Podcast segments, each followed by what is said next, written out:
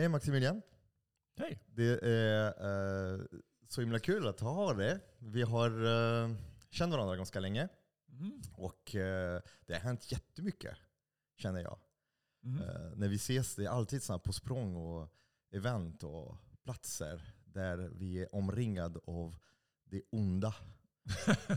alltså, märker du det? Alltså, jag har tänkt på det lite alla gångerna vi har setts tidigare. Alltid det är någon slags eh, ja, men det är ett event, det är en produkt som presenteras, det är någon grej som lanseras och eh, då alltid är vi omringade. Och jag märker att vi, vi brukar hamna som två magneter och bara hamna såhär, okej här är Max, oh, bra. då, det blir som en liten trygga, trygga zonen, för då jag vet att här är lite chill, få vara omkring det, för då kan vi prata Eh, på ett spännande sätt. Men aldrig har vi suttit så här och, och kunnat ha en, eh, alltså en riktig diskussion om äntligen det vi, det vi brinner för. Och, och eh, kanske vi har sett när vi har varit lite leddiga och kanske inte- kunnat verkligen prata med. Jag, jag är superintresserad av allt du håller på med. Och jag har följt det väldigt länge, både, både professionellt och privat. Och jag tänker att eh, det finns massa saker som jag tror eh, folket där ute skulle bli intresserade av att veta. Mm. Så vill du bara presentera dig själv lite grann för de som eh, dels som inte känner det, eller de som känner det men som kanske eh, vill ha en liten uppfriskning. Absolut. Eh, och tack så mycket för att eh, jag fick komma hit. Ehm, jag växte upp i Helsingborg. Jag är 45 nu, lämnade Helsingborg när jag var 19. Eh, så att nu refererar jag nog mer till att jag eh, kommer från Helsingborg eh, istället för att jag har eh, bott där. Jag har, jag har nästan skapat mitt eget liv utanför ramarna. Så jag har rest väldigt mycket, fokuserat på väldigt mycket eh, skidåkning i mitt liv och eh, i någon veva, i någon båtolycka eh, så fick jag en liten knäpp och började eh, fundera på vad som är viktigt i livet. Och eh, när jag kom hem därifrån så eh, kände jag att jag var mer fokuserad på att hitta vad som var bra med mitt yrke, att vara kock. Och eh, åren som gick därefteråt så hamnade jag mycket i jordbruket. Eh, var med och startade upp Street i Hornstull. Eh, och då hade vi ett nätverk med bönder som jag började prata med och lärde mig om jordbruk. Sen gick jag vidare, eh, startade en grossist kring det här.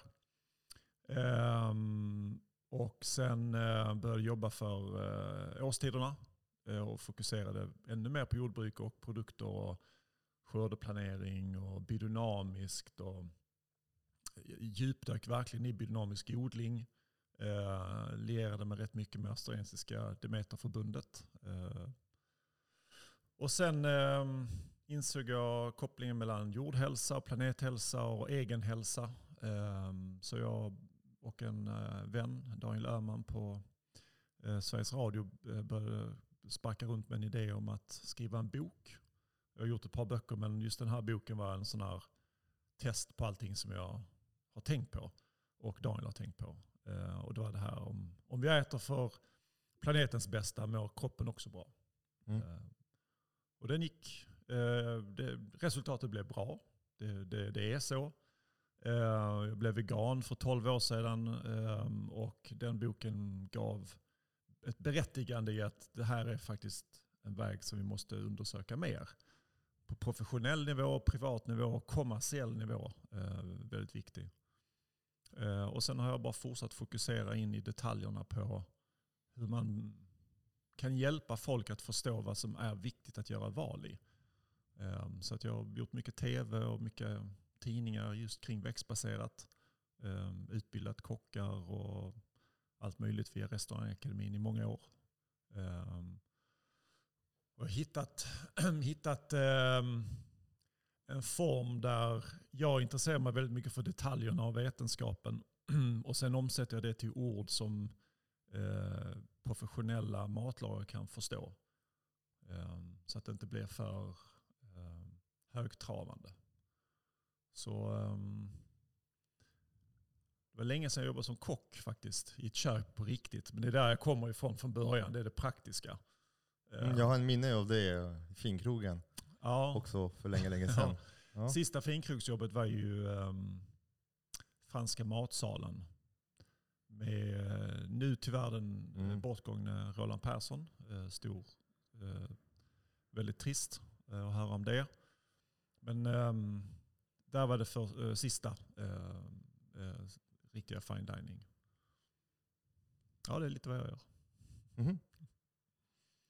Så du har blivit vegan för 12 år sedan som en slags hälso... Alltså vad, vad fick det? För jag, jag träffar väldigt mycket eh, ungdomar Mm. och eh, det, det, det växer ju ett rörelse av Mm. att just eh, när man kopplar ju planeten, klimaten till, till maten och, eh, och att börja äta växtbaserat. Eh, men du, du lägger fokus också väldigt mycket på hälsa. För att eh, det största argument man hör oftast om att man ska äta mindre kött eller inget kött alls, eller att man ska ta bort animalier från sin kost, det är att just de väger så himla mycket på, alltså resursmässigt. Att det är krävande på resurser, det är vatten. Eh, sen det är eh, djurhållning, det är väldigt, väldigt grym metod oftast. Alltså majoritet, inte alla, men väldigt mycket.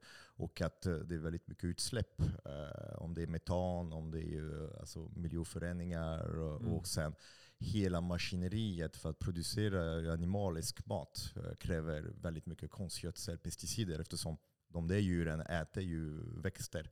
Mm. De är veganer, eh, äter växter. Mm. Eh, Och då äter vi växter via, via djur. Men eh, på vilket sätt är, eh, alltså, vad är det största som har, som har gjort att du har velat växla? Är det din personliga hälsa? För det finns såklart alltså fördelar att inte äta animalisk. Är det det också bara att du kanske har barn och kanske vill kunna också ställa dig framför dem om 20 år och säga att du har, du har valt att göra bra från det väldigt tidigt? Alltså, se- senast i helgen så sa en av mina döttrar till mig att eh, ta inte det här personligt pappa, men eh, eh, att du blev vegan som lagade så mycket kött är en eh, spilld resurs. Försökte hon säga diplomatiskt att kan inte du laga mer kött? Det borde vara gott Så mina, med- barn, mina barn gillar kött. Mm. Eh, och jag har inte varit så nitisk med dem. Eh, att de måste äta veganskt, för jag gör det. Eh, Mm. För ma- mat och barn är ett helt eget universum. Det kan man lägga lite åt sidan som att ska man, ska man prata om barn och framförallt sina egna barn och ge dem mat, det är ett helt eget spår. Mm. Så vi Mm. kan, vi kan nu lämna det till något, till något annat tillfälle. um, För jag vet att det är många som, som sliter med att ge barn um, bra kost. Men eh, min egen, eh, mitt eget fokus var just att jag utbildade ehm, eh, kökschefer på yrkesutbildningen på restaurangakademin i hållbar matlagning. Och eh, mitt stora fokus då var ju att förklara ekologi och biodynamik i perspektivet mot konventionellt. Och för alla som känner till skillnaderna på mellan ekologi och biodynamik eh, så hade jag en vd vid ett tillfälle som, jobbade, eh, som jag jobbade med som sa att eh, skillnaden med ekologi och biodynamik är att ekologi är konventionell odling med eh, naturliga insatsmedel. Medan biodynamik är eh, ett möjliggörande för plantor att växa bra. Det är en symbios. Du Symbiotisk skapar arbete. förutsättningar, du odlar inte. Det är inte, det är inte kalorier in, kalorier ut. Utan det är hur gör jag den här platsen bäst för att de här gröna som jag vill ha ska eh, växa. Ehm, och då, då lagar jag ju all möjlig typ av kött. Eh, jag tror till och med att jag vid det tillfället ehm, hade utveck- varit med i Svenskt Kött och utvecklat nya styckdetaljer. Eh, jag tror flanksteken kom fram där. Eh, Grattis. ja, eh. Eh, men eh, ständiga frågan från de här blivande kökscheferna var ju priset. Eh, två, tre, fyra gånger så dyrt.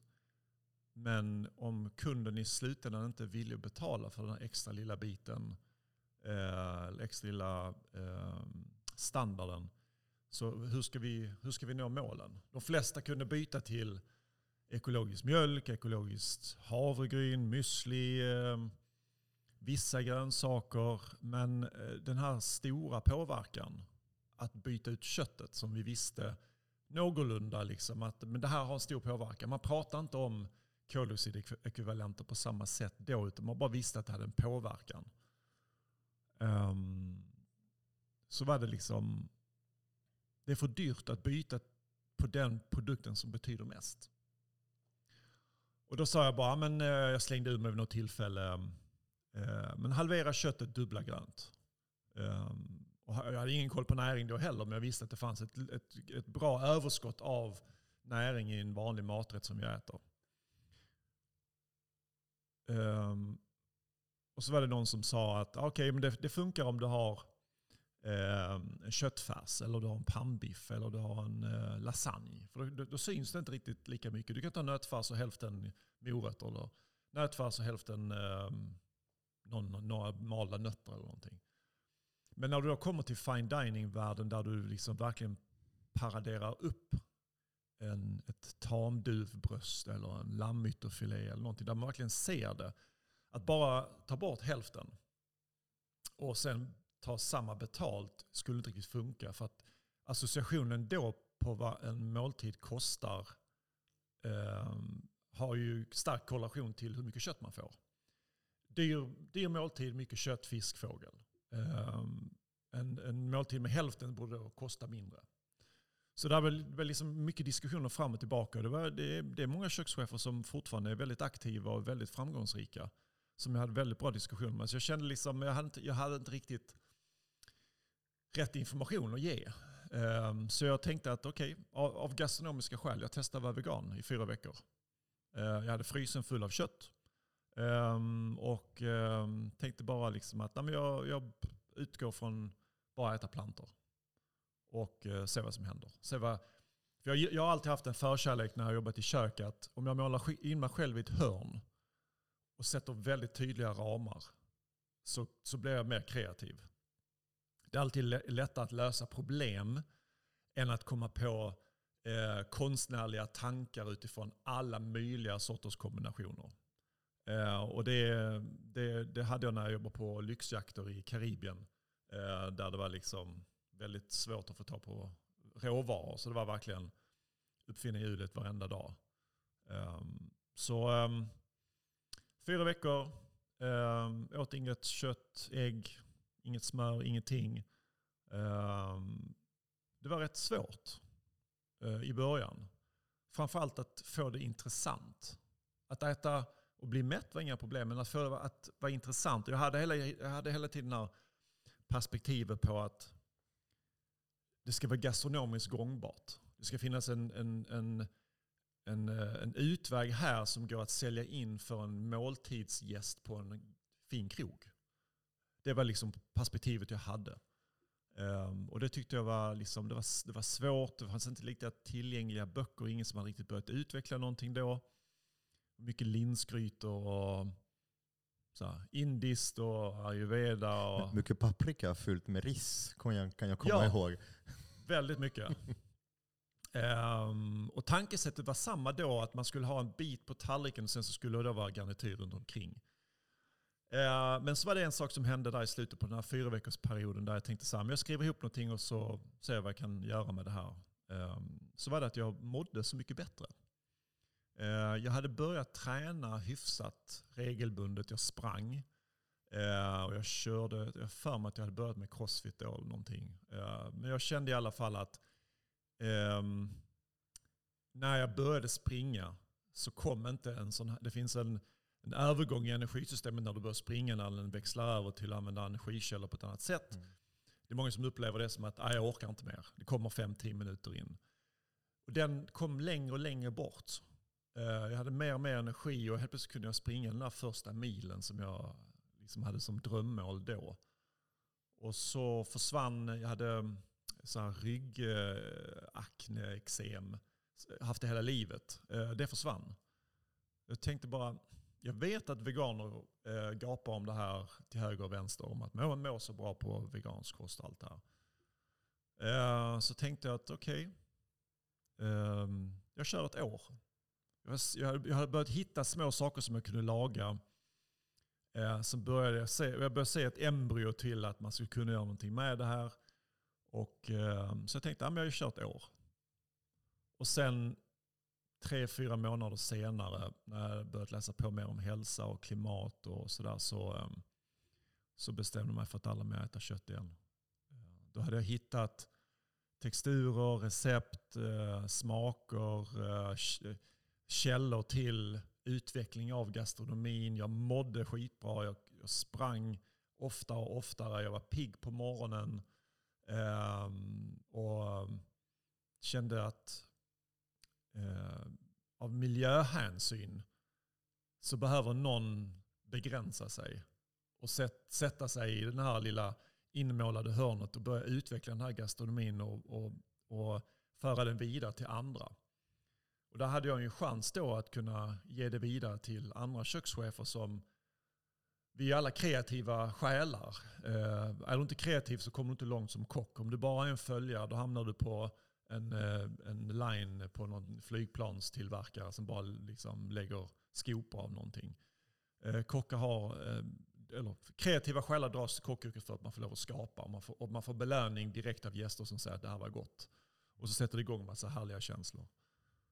Så jag ville ta de få saker jag hade, kasta ut det till andra som skulle utveckla det mer och sen så skulle jag få tillbaks. Och sen skulle jag utveckla det och så skulle det bli det här utbytet som man, vi har sett i alla former under gastronomins utveckling. Med det franska köket i det svenska köket och sen så det danska och sen så har vi det lokala och sen så sprider sig med allting. Um, så då, um, då, då gav jag mig rakt in i det. Uh. För det, det, det, är lite svårt där, för ofta när man tänker med folk som äter ju allätare och om de ska börja äta växtbaserat, det, det känns lite som att, man, det är som att sluta röka. Att det, att det är tuff övergång, att man lämnar någonting som man tycker om, som man vet är dåligt, det står på förpackningen, det gör, det, man blir sjuk av det. Och, eh, och det är lite så det är med stora mängder rött kött och charkuterier med allt som är. Och hur, hur hittar man ett gastronomiskt sätt? För det är det som är häftigt, att du har hittat en gastronomisk sätt. Alltså att det skulle bli, att hur kunde du ersätta textur och smak av smör och osten och det här brunta köttet som har fått hänga, fettet från köttet. Alltså det för att eh, det känns jag tror för många att, eh, att börja äta växtbaserat, då måste man ge upp jättemycket saker som man tycker om. Och just den här att istället vända på kakan och se all de positiva inverkan som faktiskt äta växtbaserat kan ge. Att det skulle ge för jag, jag, är, jag är inte eh, vegan, alltså jag, jag äter kött och fisk ibland. Och jag är väldigt eh, uh, inne i ja, men, biodynamisk och uh, välmående hos djur, vad det än låter nu. Jag förstår att ur, ur en vegansk perspektiv, det finns inget djur som mår bra när slutresultatet hamnar i din tallrik. Uh, men det finns också en annan, en annan syn på det som kan motivera också att man äter kött när man tittar på en gård och man ser näring som snurrar runt och att djur som bidrar till väldigt mycket eh, biologisk mångfald på en kretsloppsbaserad gård och kommer ju få, få näring och cirkulera och så vidare. Men eh, hur, eh, för mig jag tror det svåraste är att ge upp eh, ja, med sådana Vrångebäck och eh, mm. alltså en pärlöarna som har hängt i, i, i, tre, fyra veckor som köttet. Man kan få så knaprigt, för det, det, finns smaker som jag inte hittar i, i, det, i det eh, växtbaserade köket. Mm. Har, har du någon, någon ingång till det? Hur, hur ska jag göra om jag vill? Det finns ett uttryck som äh, heter du är vad du äter. Äh, det finns också, hoppas jag, ett uttryck som säger att du blir sugen på det du äter ofta. Um, jag har ju verkligen snöat in på um, uh, mikrobiotan. Mm. Kan du berätta vad, vad mikrobiota är för de som inte vet? Det är ett, uh, dina bakterier som du har i tarmarna. Och det är en egen entitet, det har ett eget genetiskt uppsätt, uppsättning som heter mikrobiomet. Uh, och, um, vi, den är inte en del av människan. Det är, det, det är en annan varelse. Den lever i oss och eh, den hjälper oss att bryta ner maten. Så vi är, inte, vi är verkligen inte ensamma. Och det finns fler av dem än vad det finns av oss. Mm. Um, och um, min stora missuppfattning som jag gapade om i många, många år när jag blev vegan, det var att börja med veganskt så mår du bra. Sluta äta animaliskt så mår du bra. Inte förrän jag började läsa på ordentligt om eh, mikrobiotan så förstod jag att det var inte uteslutandet av animaliska produkter. Det var införandet av mer fiber i kosten. Prebiotika, probiotika. Mhm. Så ehm, om du har en väldigt stark, bred och diversifierad mikrobiota så behöver du ha ätit en massa fiber. Och Ehm, den söker ut, alltså, den gruppen av eh, mikrobåtar som det finns mest av har en förkärlek för olika saker. Vissa har det för kolhydrater, vissa har det för mineraler, vissa har det för proteiner och umami. Det du har mest av det är det du kommer vara sugen på oftast. Så köttätare har ju då en, en mikrobiota som är bra på att bryta ner kött. Så den ropar efter kött? Man kan säga att den ropar efter kött, att den triggar. För att det finns en, en mage-hjärna-koppling. eh, som gör att du blir sugen på saker. Eh, skulle jag äta kött idag, liten bit fine, det skulle, inte ha, det skulle inte hända någonting. Men skulle jag börja äta kött kontinuerligt så skulle det ta ett tag för mig att eh, spjälka det ordentligt. Det skulle stoppa upp ganska rejält. För jag har inte, jag har inga, jag har ingen, ehm, jag har inga vaktmästare i magen som eh, bryter ner det. För de, de har inte behövts så då dör de undan. Eh, mikrobiotan är otroligt levande och anpassningsbar. Så den, den tar hand om det eh, som du ger den mat av. Eh, så ehm, att fokusera på en stark eh, och diversifierad mikrobiota hjälper en att vara sugen på rätt saker. Så när du säger att okay, du har svårt att ge upp ost och smör och allt det här. Ja, du är van vid att äta det. Du gillar smaken. Det ger dig en, en, eh, en eh, belöning varje gång du käkar det. Det finns kasein som är otroligt beroendeframkallande. Men vad händer om du slutar käka det i två månader, tre månader? Och så blir du inte sugen på det för att du är rent kemiskt tingar till att göra det. Utan det är så här, okej, du käkar det kanske mer sällan. Eller du kanske käkar det inte alls. Min utgångspunkt var ju inte att ersätta animaliskt. Min utgångspunkt var att utveckla växtbaserat. Så jag hade ju redan som mål att vad kan jag göra med en röd lins? Vad kan jag göra med en kikärta? Vad kan jag göra med nötter och fröer? Så att när jag väl började så satte jag mig ner och bara, vad har jag att laga mat på? Vad behöver jag? Vad behöver min kropp? Um, så jag, jag fick ta på en, en italiensk producent på baljväxter. Eh, och beställde, fick prover. Jag tror 60 olika prover på baljväxter i alla möjliga former. Eh, och sen så bara att okej, jag måste äta allt det här. Jag måste lära mig varenda liten grej av det här. Eh, och under den resan så bara blev det att jag var sugen på jag var sugen på gröna blad, jag var sugen på en, eh, en bra olivolja, jag var sugen på hummus, jag var sugen på en uh, linsgryta. Och ständigt när jag fick den här frågan som, som du är lite inne på, att saknar du inte kött, saknar du inte ost, saknar du inte smör? Så här, jag, jag kan inte leva utan ost. Det, det, det är framförallt det, det, det jag hör oftast. Ja, Jag skulle kunna bli vegan om jag fick lov att käka ost. Ost är så otroligt ehm, bekvämt och belönande för människan. Det är, det är helt otroligt hur, när, man, när man tänker på det. Och sen när man då ehm, vet hur kasinet uppför sig. eh, Så vet, jag kan redan nu säga att alla de som håller på att försöka eh, labba fram eh, någon växtbaserad ost, det kommer att vara väldigt, väldigt svårt. Mm. För den har en helt unik egenskap. Och den belönar oss på ett väldigt unikt sätt. Så jag, jag, jag, jag är inte en av dem.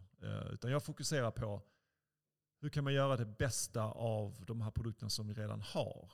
Fermentering, blötläggning, kokning, torkning, stekning. Ehm, så det handlar inte om att ersätta utan det, det handlar mer om att skapa nya favoriter. Ehm. För det, det, det, du nämner nu, alltså kikärtor och nötter och olivolja, det, det är väldigt söderländerna eh, råvaror. Ja. Och, där, och där ser man, alltså ofta man pratar om hur vårt mat påverkar klimaten, men man glömmer lite att prata hur klimaten påverkar vårt mat.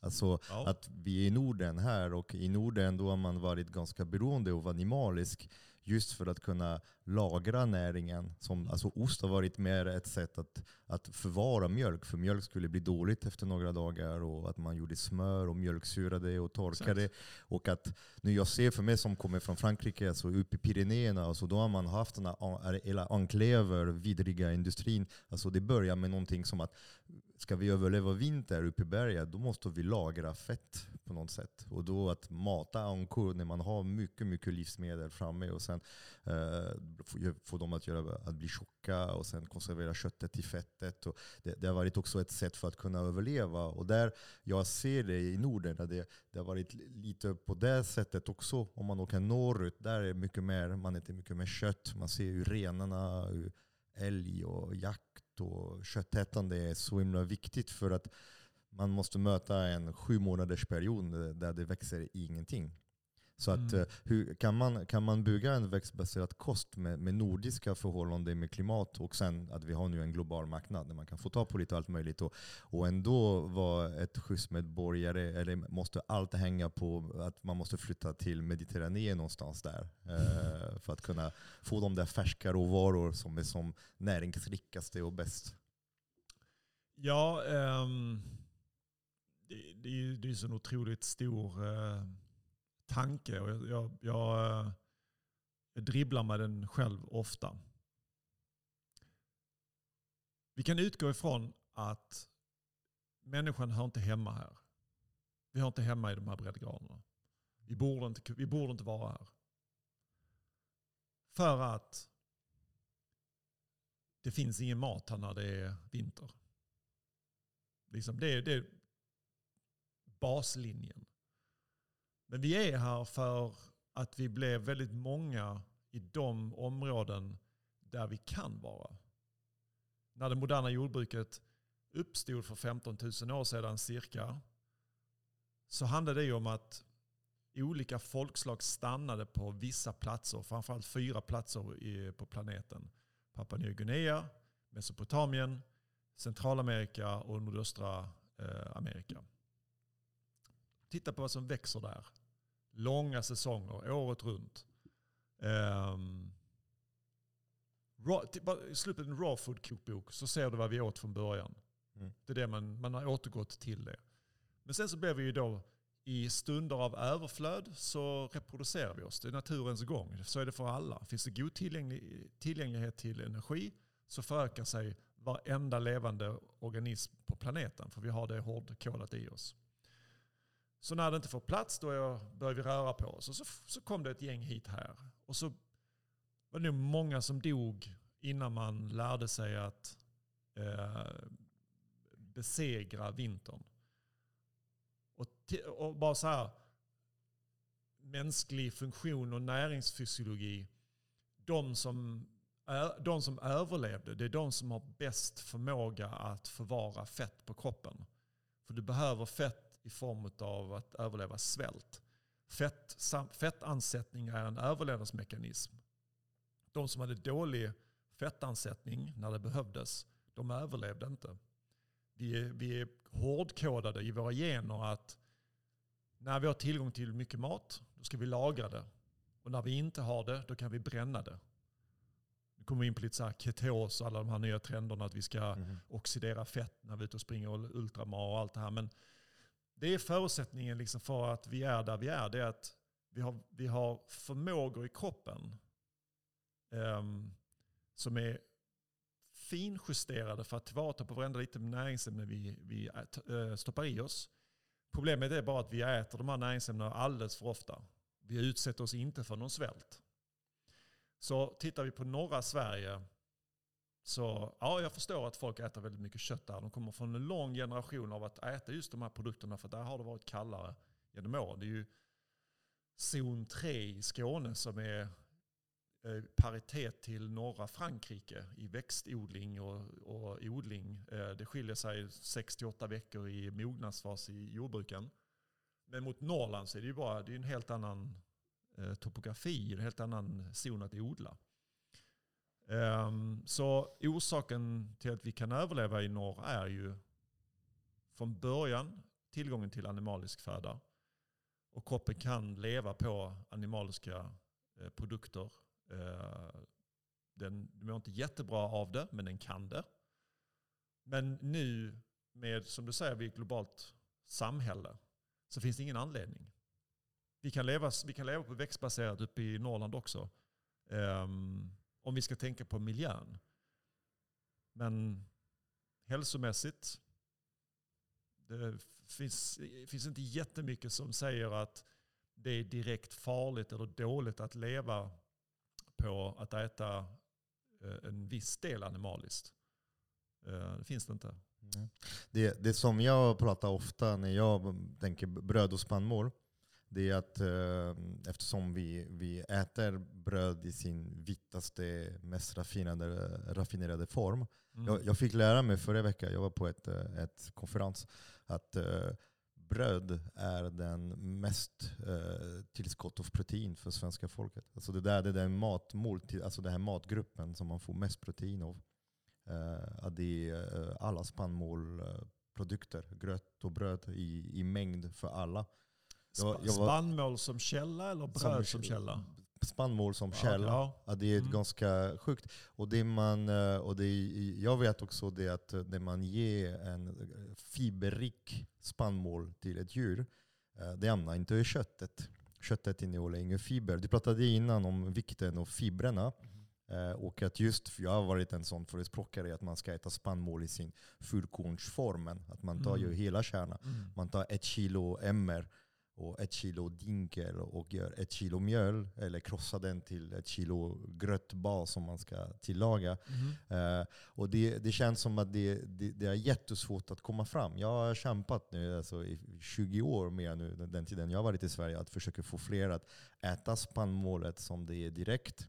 Uh, utan någon slags raffinering. Eller om man lätt siktar kanske för att få bort de grova klibitar om man vill göra någonting som är lite luftigare och fluffigare. Men eh, är det, är det den typ av fiber du pratar om nu som ger näring till mikrobioten? Alltså alla de där fibrerna som, som tas bort. Och varför eh, är det så mycket dålig förädling av, av, av spannmål? För jag tänker de som äter mycket kött borde äta då väldigt mycket fiber för att kompensera. Ja, det, det är precis det. Du kan avsätta den negativa hälsoeffekten av det animaliska genom att öka mängden fiber i din kost. Är det inte ett bra övergång? För jag, jag har förstått att gå till växtbaserad kost är också ett process i sig. Det tar tid för kroppen att lära sig att hantera alla de där fibrerna. Att börja med att öka sin intag av fiber är ett bra sätt att kunna samtidigt kunna förbereda sin kropp till att kunna minska sin intag av animalisk Mm. Stämmer det? Ja, ja jag, jag, har, jag, jag kan, ehm, jag kan eh, komma tillbaka till en bra process. Eh, jag vill bara svara på det här med, med, ehm, med hela kornet, eller hela spannmålet. Ehm, det som vi slänger bort när vi siktar, det här skalet, innehåller något som heter MAC. MAC. Mm. Så Microbiota Accessible Carbohydrates. Det är den maten som våra fiber, eller våra bakterier i magen vill ha. Som de behöver. Um, att vi tar bort den um, försämrar vår förmåga att ta upp mer näring. För indirekt så betyder det att vi har mindre mat till våra mikrobiota. Så de sprider sig inte lika, de växer inte lika brett. Mm. Så att ta bort den delen av skalet, eller den delen av kärnan som faktiskt har störst effekt på vår mikrobiota, det är som urbota dumt resursslöseri. Så skulle näringsfysiolog få bestämma så skulle allt bröd vara eh, helkorn, fullkorn. Men det är inte det som bestämmer. För det som bestämmer vad vi ska äta idag, det är inte sådana som du och jag, eller någon regering eller några doktorer, det är pengar. Och vill du sälja en produkt mer än en gång eh, så vill du att folk ska äta den igen. Och våra hjärnor är hårdkodade för att älska socker och fett. Och socker är ett enkelt ord att slänga omkring sig med, men det vi talar om det är eh, eh, korta kolhydrater, eller snabba kolhydrater. Och det är det vita mjölet. Det ger oss den här kicken, det ger oss den här sköna känslan i kroppen när vi äter det. Den, när jag pratar om det här med att vi, var, vi är extremt duktiga på att lägga på oss fett för att överleva, så är det att kroppen känner av så fort det finns liksom kolhydrater i maten så vill den använda det. Vi får ut det i blodet och sen så skyfflas det in i våra muskler. Muskler tar upp 80% av vårt eh, blodsocker. Och gör de inte det så är vi rökta för då har vi antingen diabetes typ 2 eller så har vi någon annan sjukdom och så blir vi förgiftade. Um, men att um, ständigt äta vitt mjöl, socker och fett som smör. Så här, vi, vi klappar vår hjärnas mysigaste sinne hela tiden. Och Det är så skönt och det är så bekvämt och det är så tryggt för att vi vet vad vi får när vi ser det. Våra ögon är en del av hjärnan. Det är den enda delen av hjärnan som sticker ut ur själva kraniet. Eh, den plockar upp det direkt. Alla bilder som är på förpackningar visualiserar det som vår hjärna helst av allt vill ha. Vår hjärna vill inte ha fiber. Den skiter i fiber. Den älskar eh, glukos. Den vill ha de här eh, snabba kolhydraterna. Men vår mage älskar fiber. Men den lyssnar vi inte på lika mycket. Och det är det man ser att livsmedelsföretagen de har lärt sig och, och tränat ju reklamare att just trycka på den knappen. Ja. Vi är alla, alla är väldigt oroliga för AI. Men mm. eh, jag menar, marknadsföring har nog haft större negativ impact på oss än vad AI kommer ha. eh, vi, vi vet AI på gott och ont, vi vet inte riktigt. Men det, det, är, eh, än så länge är det, ganska, är det ganska bra, för det är ganska snäll. Det är en lite bättre Google, sen får vi se. Ja. Eh, men kan det, kan det hjälpa oss åt att eh, äta bättre, att må bättre och att rikta ju vår konsumtion på ett vi sätt som oss, är mer... Vi kan lära oss att lyssna på kroppen bättre. Mm. Alltså, Elsa är ett sånt stort eh, bekymmer idag. Så vi lever i en mm. av de rikaste länderna i världen. Vi har alla goda förutsättningar för att kunna må som bäst. Och samtidigt man ser det, det funkar inte. Alltså, det finns otroligt mycket eh, sjukdomar. Det är mycket så här, baserat mm. på övervikt, på dålig kost och diabetes. Och, ja. allergi, autoimmunsjukdomar och sen man går till psykisk ohälsa, depression, otroligt mycket depression. Uh, och, och där ser man att uh, på något sätt hur bra vi har det, det är någonting som är, som är fel. Jag tror att alla ändå känner det. Det är någonting som inte riktigt stämmer. Mm. Vi har en, en vård, alltså vården den är inte riktigt vården längre. Det är blivit ett sjukvård där man, man lägger alla pengar och alla resurser på att behandla symptom från sjukdomar. Vi mm. skapar själva med...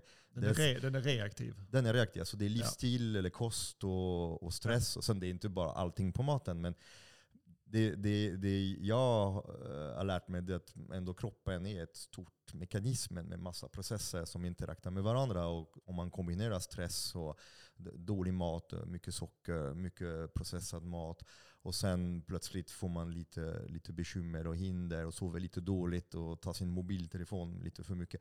Allt det här kan skapa kan förebygga ju sjukdomar. Medan mm. om man gör tvärtom och börjar ta hand om sina sömnvanor, börjar äta fiberrik, eh, mindre eller inte alls kött och börjar röra på sig och då plötsligt man märker en tydlig skillnad.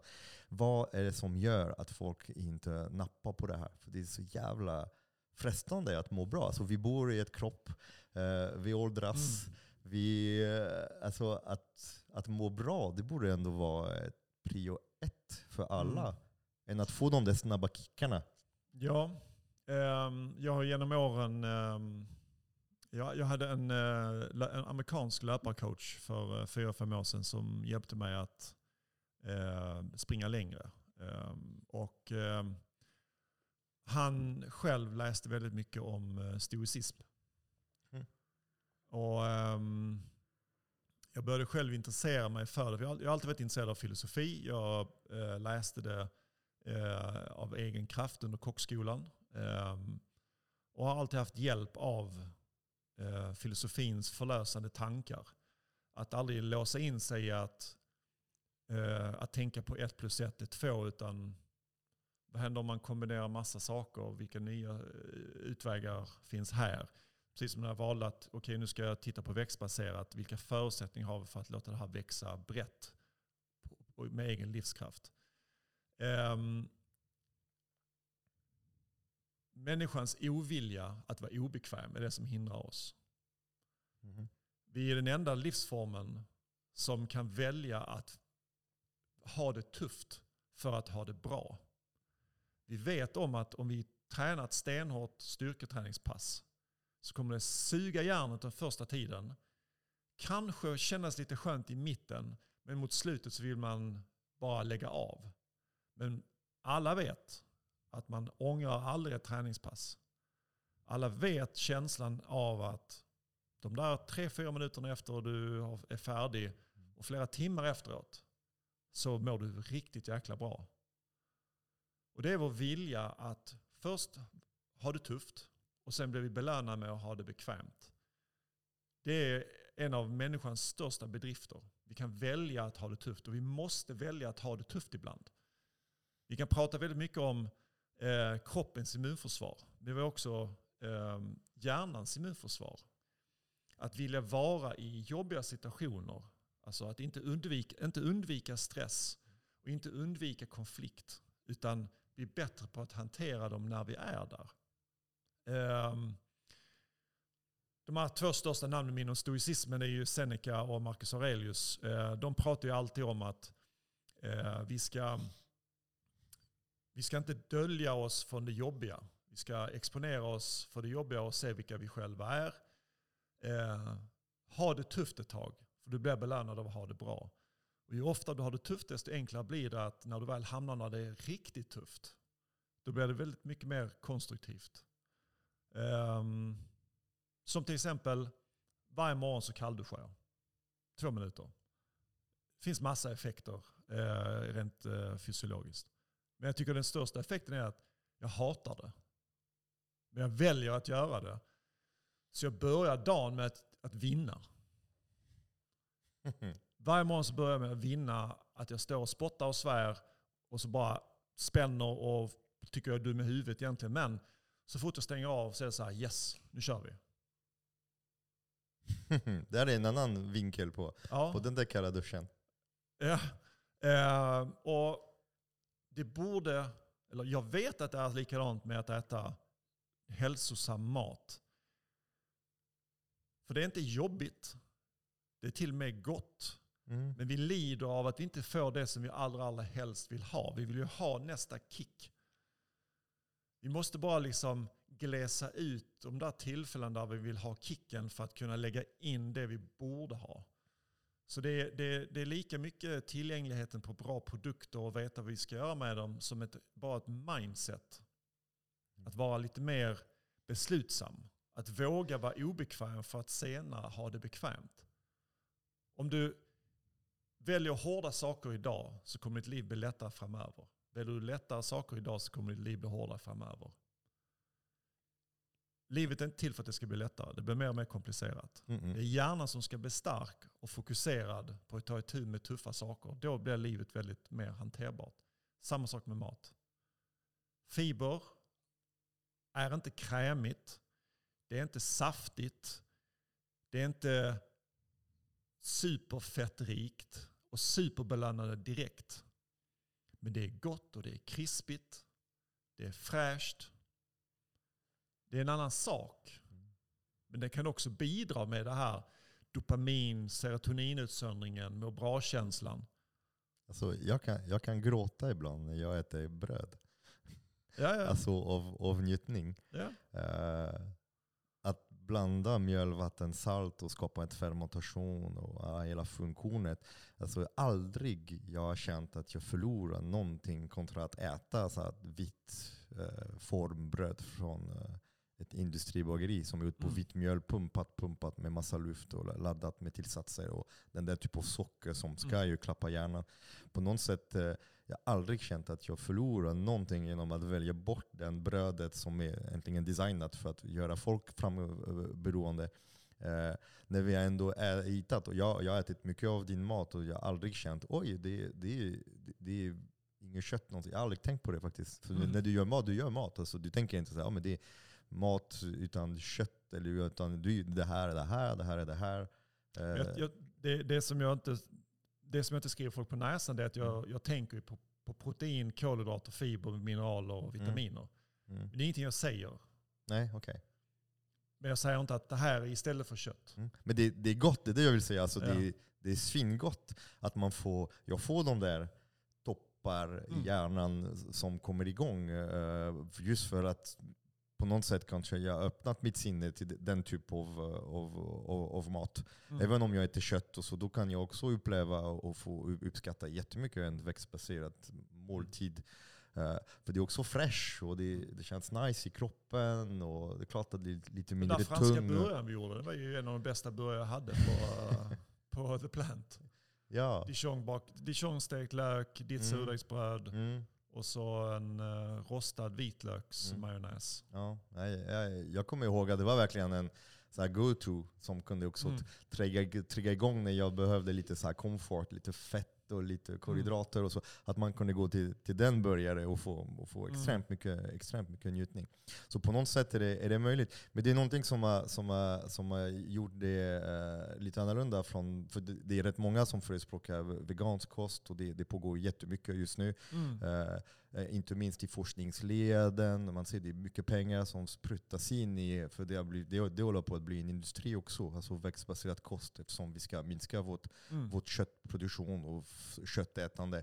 Eh, och det jag märker, och det har, det har kommit lite, lite studier, det har varit en ganska stor studie från Chalmers som har, som har kommit in, som blev som en bomb. Och alla, alla köttindustri blev superglada och de blev så hej kolla, som visade att just Eh, Eh, det är väldigt många växtbaserade produkter som, har, som är nästan som en näringsöknen. För de är gjorda på pulver, alfabrikat och så. Och, och jag, jag fattar att eh, det är så det funkar där ute. Alltså, de som har pengarna de, de trycker på olika knappar, de har marknadsföringsverktyg. Och det där har varit en stor grej. Det har varit ett bra argument för alla köttätare. Kolla, det är näringsfattigt den här maten. Eh, Mm. två, två frågor. Dels eh, hur, man tänker kring, eh, för jag vet att du- är inte så inne i, i, i alltså ersättningsprodukter, om man ska ersätta kött och industrier. Du försöker jobba utifrån hela riktiga, hela och riktiga råvaror och Mm. tillaga råvaror. Så du tillagar bönor och Mm. och nötter, lite som du sa.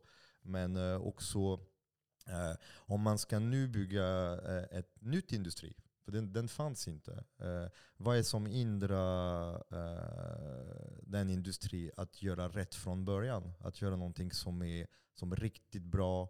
Varför ska de gå, an, använda det de gör nu idag med dåliga livsmedel och, och massa kött och process och så? Att de ska göra det också när det gäller ju veganska produkter. För jag, jag tror att de, majoriteten av de som äter veganskt, för de, de älskar djur.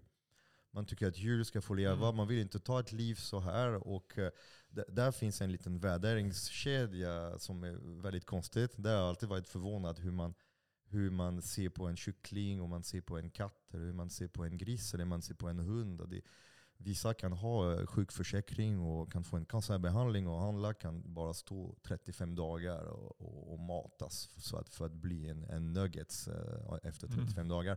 Eh, och att man kan separera dem. Men också eh, hur den eh, konventionella jordbruket som kan producera livsmedel kommer använda otroligt mycket pesticider och konstgödsel och, och då på ett sätt påverka både klimat och också döda djur. Eh, och jag har alltid haft det här dilemma med alltså om man ska äta soja, en sojabiff eller en kikärtsgrej, röra eller så. Varför eh, inte se till så att den också har gynnat naturliga processer och att det inte eh, dödat maskar och insekter, att man inte behöver behövt skövla regnskog och förstöra habitat för orangutang och gorillor och tukaner och fjärilar. Att, eh, att det är så långt borta den, det känns så långt borta Amazonen, eller det känns så långt borta Turkiet, så att man kan att det räcker att säga jag inte äter kött och äter istället besprutade eh, baljväxter och livsmedel. Mm. Hur, hur kan vi komma runt det? För jag tror att de, de flesta veganer jag pratar med, de, de är ändå ganska... Det, det, det mest vanliga eh, argument jag får är att det är bättre att äta dålig soja direkt än äta det via en gris när du äter din bacon. Mm. Eh, och, och det köper helt 100%. Det är mindre miljöpåverkan för att grisen kommer göra så lite bacon och väldigt mycket, mycket soja och, och, och foder. Men eh, hur kan vi bygga ett eh, växtbaserat eh, eh, matsystem som gynnar allt och alla? Både hälsa, som är gott att äta och som också gynnar ett jordbruk som är ja, mer biodynamiskt när man tar med hänsyn till jordhälsa och jobbar utifrån de förutsättningarna vi har. Mm. Eh, väldigt bra fråga. Eh, med ett väldigt stort svar. Jag skulle direkt säga att vi behöver inte en ny industri. Vi behöver att den befintliga industrin fokuserar på de här produkterna. Eh, jag talade med en eh, vän i branschen innan sommaren som jag har ehm, jobbat med för många år sedan. Vi jobbade väldigt nära. Och han har ett eh, köttföretag. Och jag har alltid varit imponerad av hans sätt att leda sina företag. Ehm, och han förstår nu också att det drar mot växtbaserat. Så han vill med sina befintliga maskiner, sina befintliga investeringar också göra skiftet. För att vissa företagsledare, nu säger jag inte att han inte bryr sig om sin produkt, men vissa företagsledare bryr sig inte om produkten. De bryr sig om sina anställda. De vill behålla sina anställdas jobb. De vill behålla verksamheten i sitt, sitt samhälle. De vill ha någonting att lämna efter till sina barn. De vill ha sin trygga ekonomiska framtid. Så vad de stoppar i sina maskiner spelar de inte så stor roll oftast. Men igen, det som spelar roll är ju pengarna. Hur får vi marknaden att köpa de här produkterna? Och framförallt hur kan vi prissätta dem så att de blir konkurrenskraftiga? Och då, då, då är det inte att bygga helt nya fabriker som är högsta teknologin anpassade för bara växtbaserat. Och det där, när marknaden fortfarande är skakig, den är eftersatt i produktutveckling. Härligt talat, eh, jag, jag hymlar inte med om, om kvaliteten på produkter. Jag, får, jag har smakat mig igenom väldigt många produkter och pratat med väldigt många så kallade produktutvecklare slash influencers. De har inte koll. De har inte koll på hur man behöver göra för att en produkt ska kunna ätas om och om och om och om och om igen. För det finns ett par saker i en maträtt som spelar roll som gör att du vill äta den oftare och oftare. Du kan inte bara chansa, du kan inte skjuta från höften. Du behöver ha kunskap, du behöver, du behöver ha stått någonstans och antingen sålt en produkt om och om igen och lyssnat på kunderna eller eh, serverat någon om och om igen för att lära dig vad är det de här typen av kunder, målgrupp. Bara målgruppsdiskussionen för folk som utvecklar mat är bara så här, helt frånvarande. Jag, jag fattar inte vilka de, de utvecklar mat för. De har ingen aning om vad målgrupp är oftast. Den är superviktig. Mm. Vem är det jag lagar för?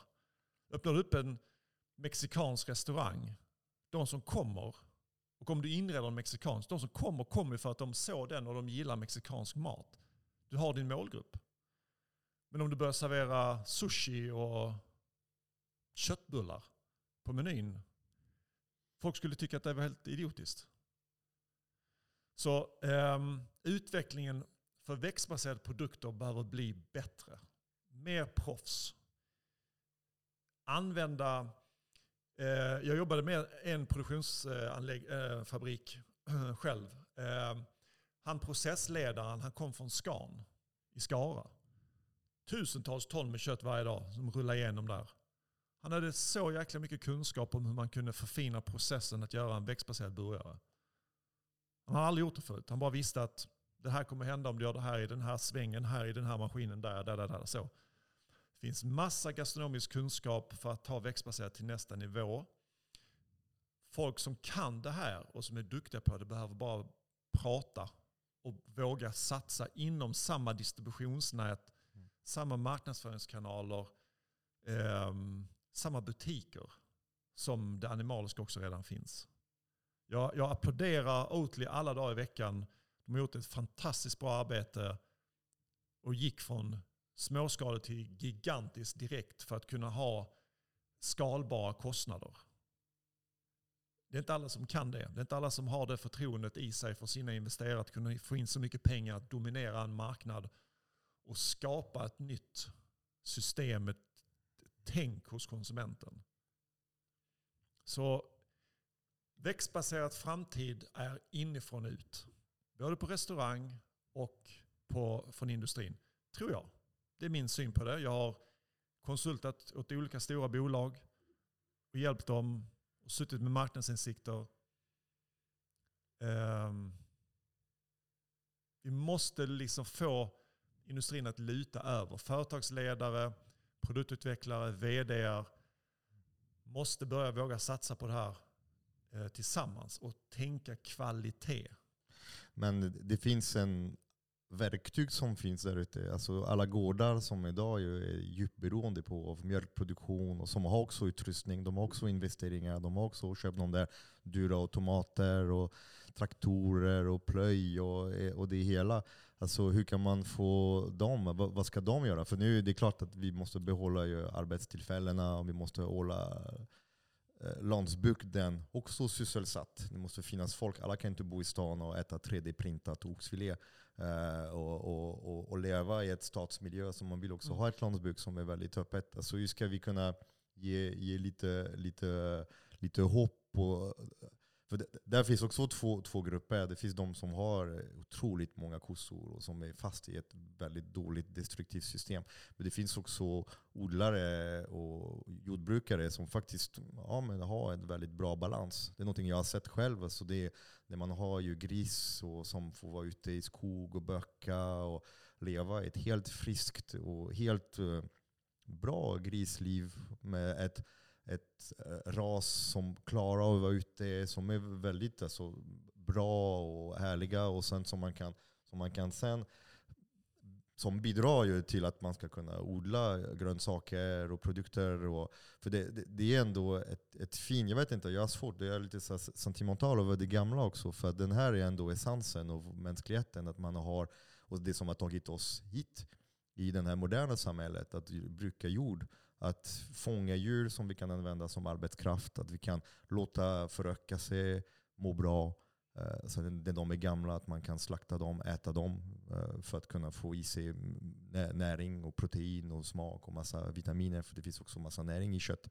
Eh, och sen att de skulle komma in, integrera i systemet och bidra och göra det på ett rationellt sätt. För det jag ser mycket ofta nu i, i det växtbaserade är att det då jobbar man med insatsmedel. Alltså man kommer in med massa produkter och massa kemikalier och man missar totalt det här långsiktiga loppet över det. Man vet inte vad det gör till våra kroppar.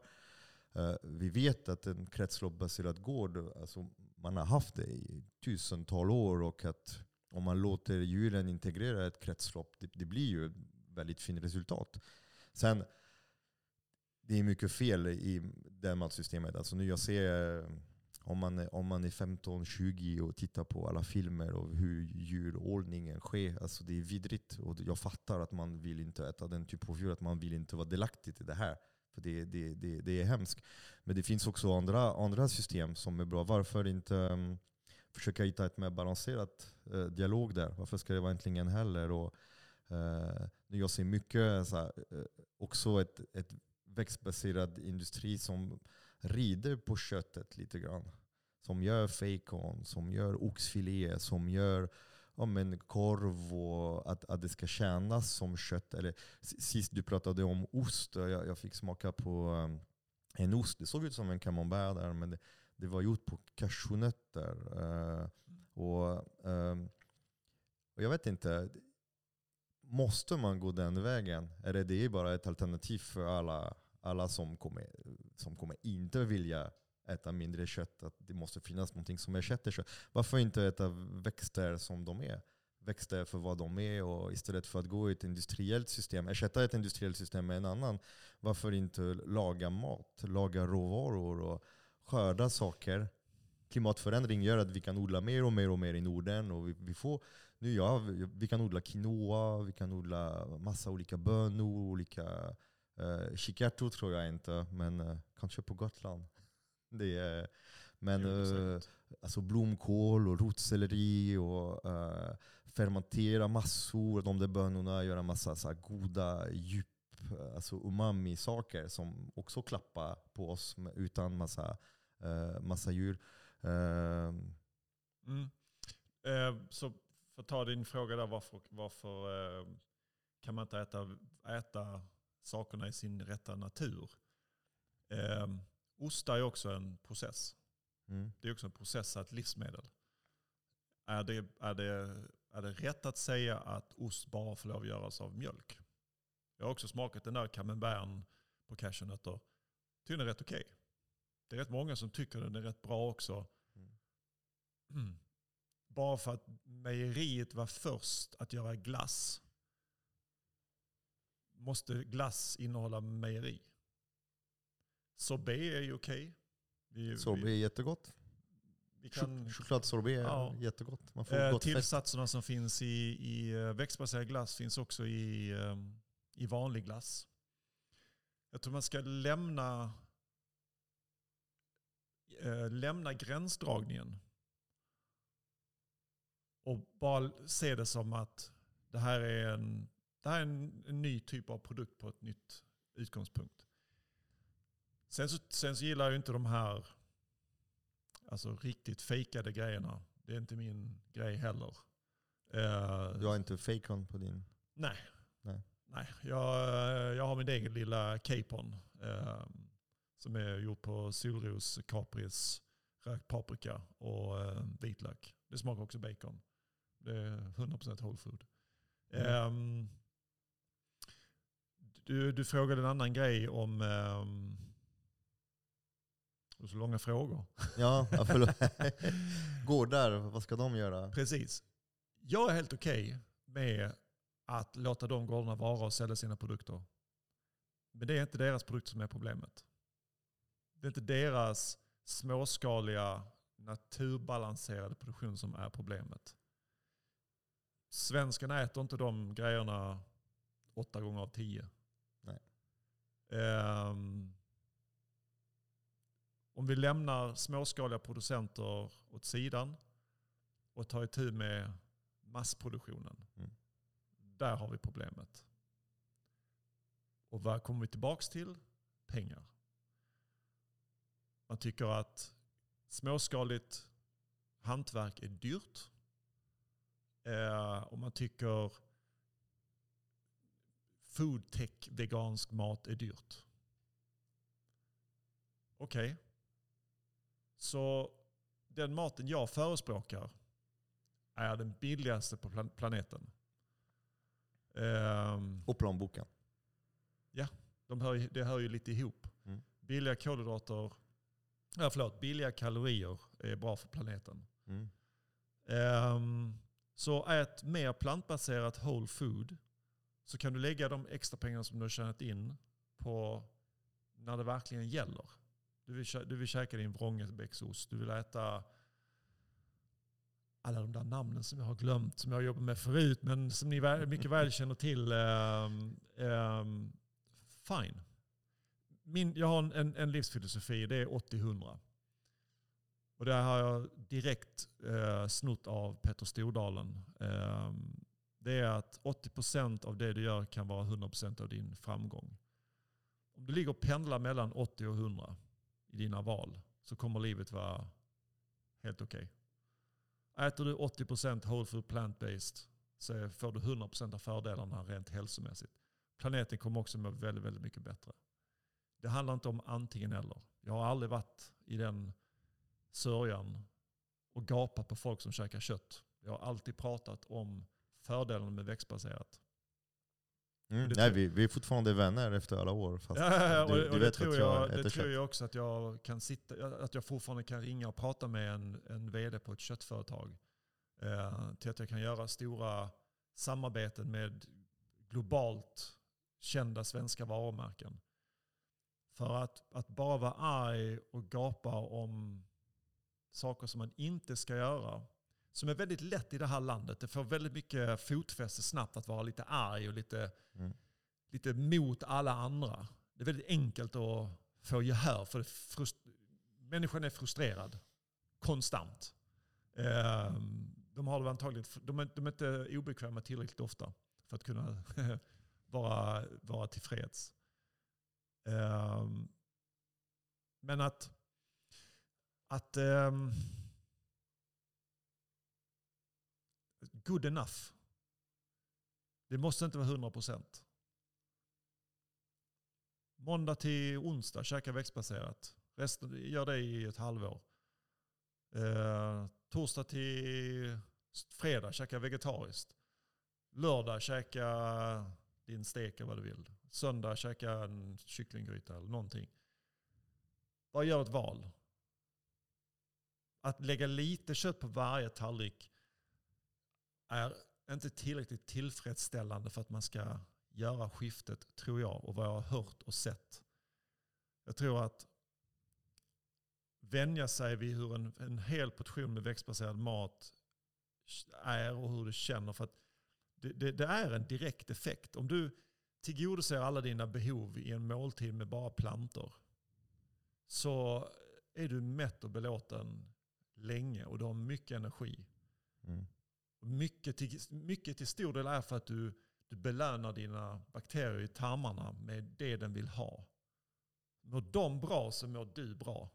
Och det påverkar immunförsvar och allting. Alltså, det, Det allting är, hänger med. Det är immunförsvaret. Alltså jag, jag har alltid varit fascinerad över, eh, över gorillor. Eh, Mm. och, alltså, har du sett de där?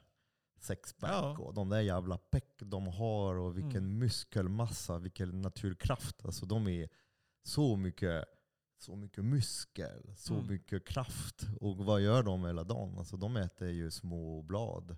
Från träd till träd och rötter och frukter. Mm. Och, och, och matsmältningssystemsmässigt, de är, inte, de är exakt som oss. De har kanske 20 cm mer tjocktarm än vad vi har.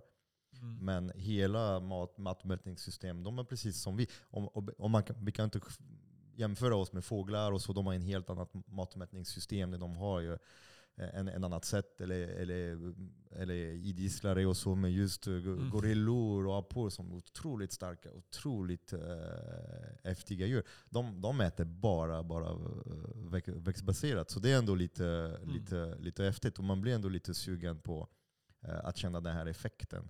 Mm. Det, ja, en av de här grejerna som stör mig mest när jag diskuterar med folk som är så super hardcore på endera sida. Det är hur, eh, hur låst man är till att vara statisk. Mm. Jag har lärt mig det här. Nu är det så här. Tradition. Ja, eller bara dumskallar. Ja, jag, jag, förlåt, jag kan vara lite, lite väl eh, eh, krass ibland. Men Mm. Menar, vi, har, vi har det här livet. Ehm, teoretiskt på pappret så, så blir vi ett år äldre med varje år. Vi blir 10, vi blir 15, vi blir 20, vi blir 30. Det är liksom en siffra. Men för varje år som går så har vi en möjlighet att förändra oss, att testa nya saker. Vi har, vi har tillfälle till att testa nya sätt att leva våra liv. Vi kan göra oss av med dåliga personlighetsdrag. Vi kan adaptera nya personlighetsdrag. Vi kan härma andras goda egenskaper för att se om det funkar på en själva. Ehm, vi kan vara öppna och lära oss. Vi kan lära ut. Den, den bästa, lär, lär, eh, bästa sättet att lära sig någonting är att lära ut. Mm. Ehm, Sätta ord på sin egen känsla och vi är, kunskap. vi är, vi är liksom otroligt dynamiska eh, entiteter på den här planeten som har ett kognitivt medvetande. Och vi utnyttjar inte det till fullo. Framförallt inte när vi hela tiden lever under dopaminens slaveri. Och med det menar jag att vi söker hela tiden direkt bekräftelse, uppvaktning, belöning. Mm. Vi, vi har slutat att ha försenad belöning. Att det här jag sa innan att lida nu, må bra sen. Ha tråkigt. Alla som är kreativa, alla som är musika, äh, musikartister, konstnärer, allting. De vet att tristess skapar kreativitet. Misär också. om du kan, om du, också, här, det är så. Om, om, alltså, om, låga, låga, höga, låga, höga inslag. Ja, men alltså, om, tristessen, om tristessen inte är självvald så kan det nog vara Ja. lite misär också. uttro, men- uttråkning och tristessen, Ja, det är klart, det är en men laddningsmoment. Sätt, sätt, dig, sätt dig ner och bli uttråkad och så ser Mm. du de tankarna som kommer till dig, det är de som du funderar på mest. Mm. Om ingenting annat stör dig och du sitter i ett rum, rum och bara så här, nu ska jag tänka på det här. Och så tänker du den tanken till slut. Mm. Då kommer man vidare. Och de här valen kring mat är liksom, jag måste ha en inköpslista, jag måste, nu ska jag beställa på nätet, nu måste jag nu har jag köpt den här Cooping, nu måste jag följa det och nu säger den influensen att jag ska göra det här och nu ska jag göra det här, det här hacket. Men det här, det här är en inlärningsprocess. Eh, man har blivit inlärd att bete sig på det sättet. Och sen jag ser nu som att det är också någonting som skiftar när det gäller, det blir lite annorlunda när det gäller män och kvinnor. Eh, för jag märker att, eh, jag tror att de som har svårast är att ändra sitt beteende, det är ju, särskilt när det gäller mat, att kött och så, det är ju män. Eh, alltså jag, jag ser själv, så, så fort jag pratar om kött och så, alltså, uh, hållbarhet, alltså man ser att kvinnor är så mycket, alltså, så mycket en- enklare att, eh, att tänka om, att ändra, att utmana. Är det, är det inte också hur vi har blivit uppfostrade Vi- som män? Att vi får, vi får inte misslycka, vi har sån hårt press på oss, så att vi ska, vi ska vara de där... eh, det- Vi ska vara säkra och vi ska ha självförtroende. Ja. Vi har, eh, på mitt tidigare jobb eh, så, eh, på Simple Fista så ha- hade vi data på att kvinnor har mycket lättare för att göra nya val, att testa nya saker. Mm. Eh, Det är därför all marknadsföring är riktad till kvinnor eh, 28-42 med ett litet barn och ett eh, lite större barn. Alltså 80% av marknadsföringen är riktad mot dem. Det är för att de är de nyfikna konsumenterna. Mhm. De är också dyraste att marknadsföra sig mot. De som är billigast att marknadsföra mot är ju män. Speciellt äldre, precis som du säger. Mm. Eh, däremot kan du vinna över en man till ditt varumärke eller din produkt så tjänar du mer pengar för att den mannen är mer villig att stanna längre för att i de här studierna, in- jag säger inte att det här är generellt för alla, men män har en tendens att stanna i sina val längre. Så du har både fördel och nackdel. Och vi jobbade med en tes, det var att kvinnor väljer nya saker in i hemmet, mannen säger till att sluta med dem. Så det är hela tiden ett samspel. Mm. Det är att det kommer in nya saker i hemmet, men någonstans så väljs det bort. Och där såg vi lite data på att det är, det är mannen som kan påverka valen i långa loppet. Men de nya valen hela tiden, det är det, det är kvinnor som står för det mest. Eh, jag tycker det är Det förklarar en del. Jag tycker det Det är är trist. Tråkiga män. Mm. Varför är inte män lika nyfikna som kvinnor? Ja, det finns mycket att säga om det. Eh, det- det är, om man kollar inom genusvetenskap, man ser att eh, det, det handlar mycket om det är mycket uppfostring. Att eh, man är Ja, ja. i unga åldrar, man är, man är ju inlärd i den processen. Sen jag vet inte om det finns en, en biologisk, eh, det, det här är breda ämne, men det som är, det som är det jag tror på är att vi behöver mer kvinnor i, i maktposition. Att vi måste få fler kvinnor. För just de är, i det läget vi är nu när vi måste skapa stora för, för, förändringar. Vi behöver män som förstår Mm. och som har gått in i det spåret och kvinnor som kan faktiskt utföra. Och, Ja. och, Eller ska och, män, ska män gå i ledarskapsutbildningar ledda av kvinnor istället? Och lära sig mer av hur de tänker? Ja, men det låter... Det låter, det låter jag, alltså, det är, eh, jag tror att om man, om man vill planera framgång, Mm. det är den enklaste. Och nu vi har ändå bråttom. Det måste förändras väldigt snabbt. vi har inte en massa tid. Alltså, det är skillnad om vi hade börjat på 70-talet. Nu skulle vi sitta i en helt annan situation. Nu har vi ju ganska, Ja. eh, inte gjort någonting, till och med det är accelererat. Ja. det, är, det, är väldigt, det, är väldigt, det är väldigt häftigt. Du pratade om eh, om eh, massa spännande saker jag vill prata lite mer om, men där framför oss, vi sitter med en eh, tallrik. Mm. Det kom en liten härlig påse och Mm. du hade lite små burkar med, med lite baljväxter och lite kryddor Mm. och lite tahini. Och sen eh, här finns, eh, eh, vi är på Svedjan bageri här på Söder, så att eh, jag tog, eh, det är lite kul för de bakar ett, ett rågbröd. Eh, som är lite eh, ja, men så mörkt och härligt, som är bakat på fullkornsmjöl. Mm. Eh, så tänkte jag att på den äter jag ju brytarbröd. så Ja. att eh, på något sätt, eh, det är lite som är tanken, att vi ska någon gång bryta bröd och eh, jag ser fram emot att få doppa. Kan du berätta lite grann om vad vi har här i tallriken och varför, varför är det här ett bra sätt att starta sin dag? Och skulle du starta det här din dag utan bröd? Är, det, det, är bröd ändå en viktigt livsmedel för, för dig och i din kost? Så till att, till att börja med, eh, jag älskar hummus. Alltså det är... Jag tror att det finns få saker som jag älskar lika mycket som hummus. Eh, Av saker och mat. Och eh, Vi var i eh, Israel för några år sedan, jag och min tjej. eh, Och alltså vi pressade i oss olika typer av hummus. Och det var så fruktansvärt gott. Och jag gick en, eh, den tiden så var jag också um, kock på Go'kväll. Så jag fick en matlagningskurs med en israelisk kock för att lära mig det liksom, israeliska köket och där är hummus väldigt stort. Så han, han gav lite tips. Och sen plockade upp lite andra eh, tankar kring det också längs vägen. Så har jag förfinat det och förfinat det och förfinat det. Och nu har jag hittat ett sätt där är så här, jag tycker det här är så fruktansvärt gott. Och det är så otroligt näringsrikt. Det är 17% protein i hummus. Tofu är det 14. Mhm. Kokta baljväxter, kokta kikärtor i sig själv är runt 9-10. Men det är när man blandar den här, de här kokta kikärtorna, man har citron i, man låter det gå väldigt, väldigt länge. Så det ska vara helt upplöst. Mhm. Och sen häller man i tahinin sist för att tjocka till det. Och så blir det det här krämiga. Och, och tahinin då som är malda sesamfrö, det höjer proteinhalten. Det höjer också fiberhalten, det höjer fleromättade fetter. Det här är, det här är, det här är superfood. Inga bär, inga proteinpulver. Go- Gojibär? Ja.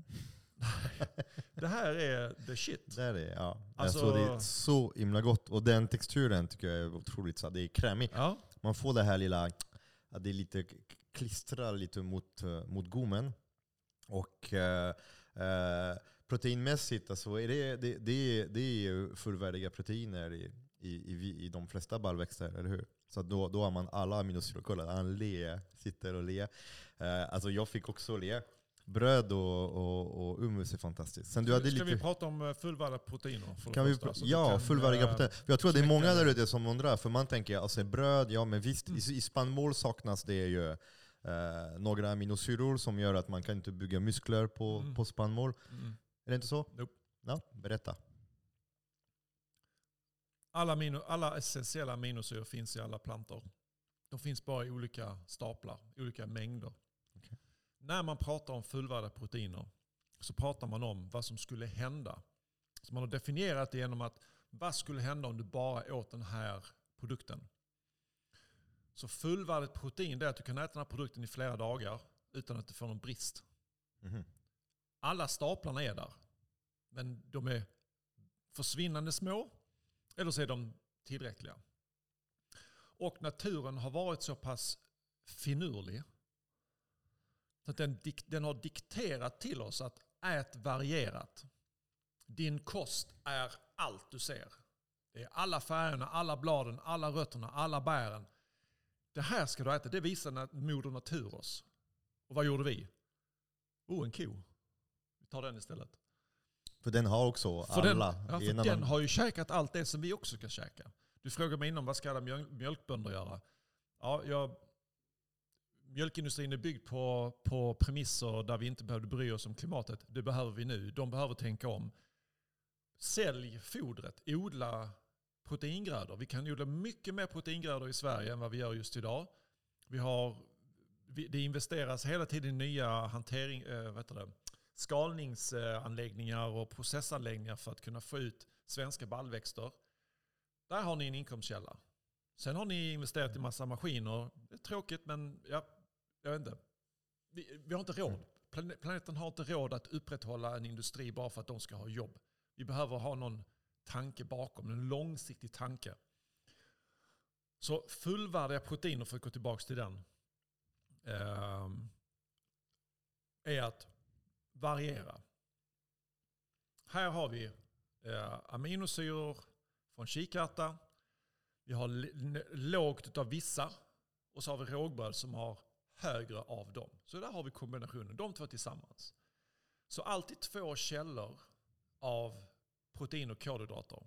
Plus att de bildas i tunntarmen, proteinerna. Så att eh, man behöver inte ha dem i samma sked. Nej, nej, nej. Det kan vara under en dag. Precis, eller hur? Under en dag. Man kan ja, äta ja. linsoppa till lunch och och eh, äta hummus med bröd och lite på, på kvällen. Ja, du kan äta bara baljväxter till frukost och lunch, så kan du äta bara kolhydrater till kväll. Mm. Eh, och här är, här är det lite roliga. Pasta innehåller vad är det, 8-9% protein. Eh, så äter du fullkornspasta med vita bönor så innehåller de ungefär lika mycket protein i bägge delar. Fast pastan innehåller mer kolhydrater. Eh, vita bönor innehåller, innehåller inte lika mycket kolhydrater. Mm. Så allting som innehåller kolhydrater från växtriket, om det inte är raffinerat, innehåller också proteiner. Vi ska bara blanda. Fortsätt blanda. Bara blanda på allting. Se bara till att du har en del som kommer från eh, legumer, alltså baljväxter, mm. och en del som kommer från spannmål. Så det är klart. Du behöver inte tänka på någonting. Ät dig mätt. 100 gram färska eh, grönsaker på tallrik. Hälften ovan jord, hälften under jord. Okay. Riv upp fem dagars eh, sallad. Gör, använd tre grönsaker. Ta eh, spetskål, morötter och paprika. Blanda en stor bunke, lägg i ett knäpplock, ha det i kylen. Ta en näve till varje måltid. Där har du dina behov av dina mineraler och vitaminer eh, i form av prebiotika. Och sen kombinera det med kokta baljväxter i tomatsås med en risotto eller någonting. Det är inte komplicerat för fem öre. Nej, det här är superspännande. Eh, senare i podden vi kommer ha, vi kommer ha en eh, biodynamisk odlare mm. som kommer kunna prata. Frida från Skyrubygård. Och uh, kommer bli fantastiskt att kunna ju, ja, men fördjupa oss lite mer i, i det här. Med Hej Frida, det var länge sedan. Rotsystem och uh, just uh, det som händer under jorden. Och just hur det du berättade om, om vad våra tarmbakterier och hur de interakterar med oss. Och de agerar som en egen organism i oss. Ändå exakt mm. samma sak under jorden med växter, hur just växter utnyttjar svampar. och ge dem socker för att få näring. Det här blir jättekul att få. Vill du höra en, en roligare grej? Mm? En av de mest förekommande bakterierna som vi har i en väldigt livlig jord råkar också finnas i stora andelar i vår tarm. Okay. Vilken, vet du vilken det är? Eller vad, är det någon de heter ju... Det är Pryptulos Ja, ja, ja. Uh, hippus happus någonting. Men ja. um, um, Justin Sonnenberg, uh, som är en um, eh, forskare på Stanford ehm, eh, sa vi i ett podd eh, att förekomsten av mikrobiota, mikrobiom i oss är så betydelsefull att vi kan ställa oss frågan om det är vi själva som väljer hur vi lever våra liv. För det är mikrobiotan som styr vår hunger. Mm inom vad är det, 30 sekunder att du har tagit någon i handen så har du den personens mikrobiota i dig själv, i tarmarna. Och mikrobiotans uppdrag är också att föröka sig, att sprida sig. Eh, har du en hund så delar ni tarmbakterier. Första en hund gör om du liksom kommer nära den, det är att slicka dig i näsan. För här har vi eh, också en mikrobiota, en egen mikrobiota i näsan. Så sprider det sig direkt. Så mikrobiotan och bakterier, det är det som styr oss i princip. Så vem är det som, vem är, det som är i kontroll här egentligen? Mm, jag, jag, såg en norsk studie som säger att vi har eh, minst 10 mikroorganismer per cell i våra kroppar. Det är Säkert. ganska, ganska sjukt. Ja. Jag brukar alltid säga alltså, när, när jag slår min hand mot mitt kind, det, det är mer mikroorganismer som slår mot varandra än hand mot kind. Eh, jag tror det är någonting som är, som är bra att, att, att tänka på. Att Ja. eh, det finns en hel värld där inne. Ja. Häftigt. Hur eh, kan man integrera det här i företagandet utan att bli kallad för foliehatt och, och uh, lite, för det här är ändå lite så här, eh, uh, spacigt för, tro för den moderna människan som lever i nuet och tycker, jag tänker på, alltså man ser lite grann hur politisk viljan är ju, är ju driven. Man tänker på, man är rädd för gängkriminalitet, man är rädd för hur boräntor går. Alltså det är väldigt få människor som lägger väldigt mycket krut på, på välmående. Medan det är ändå det som borde vara mening med livet, att, att må bra och, Mm. och vara bra. Och om man ska ju välja ju ledning, och man ska välja politiska beslut, Mm. eh, företagandet. Alltså jag kommer ihåg när du, när du startade The, the, the Plant. Eh, det blev en väldigt vågad eh, satsning. Mm. Att starta en, eh, en, en växtbaserad eh, snabbmatställe som skulle ja, ge tillgång till bra mat för, eh, för, eh, för alla som vill ge till till en rimlig pris och, Mm. och, och väldigt gott framförallt. Mm. Och eh, eh, vad, vad som gjorde att, att eh, eh, den typ av tankar kan inte riktigt skyltas med. Alltså för att kunna göra växtbaserad mat så man måste prata om, måste göra en hamburgare, man måste göra de sakerna. V- vad skulle hända om man skulle prata om, om välbefinnande, om hälsa mer, om um, hur kan maten påverka oss mer för att få fler människor där ute att engagera sig i att, med att använda sin plånbok som, är, som du sa, det är pengar som styr. Tänk om alla la sina pengar på framtiden, på sin egen välmående, på sin egen hälsa och samtidigt stötta folk som du som faktiskt eh, levererar en produkt som du har försökt och försökt och det, det, det går inte bra Mm. på, på, på den, den filosofi. Vad är det som vi kan förändra för att det ska bli mer bättre? Är det så att du var, du var för tidigt? Eh, Eh. nej, eh, alltså The Plant bar sig. The Plant gick bra.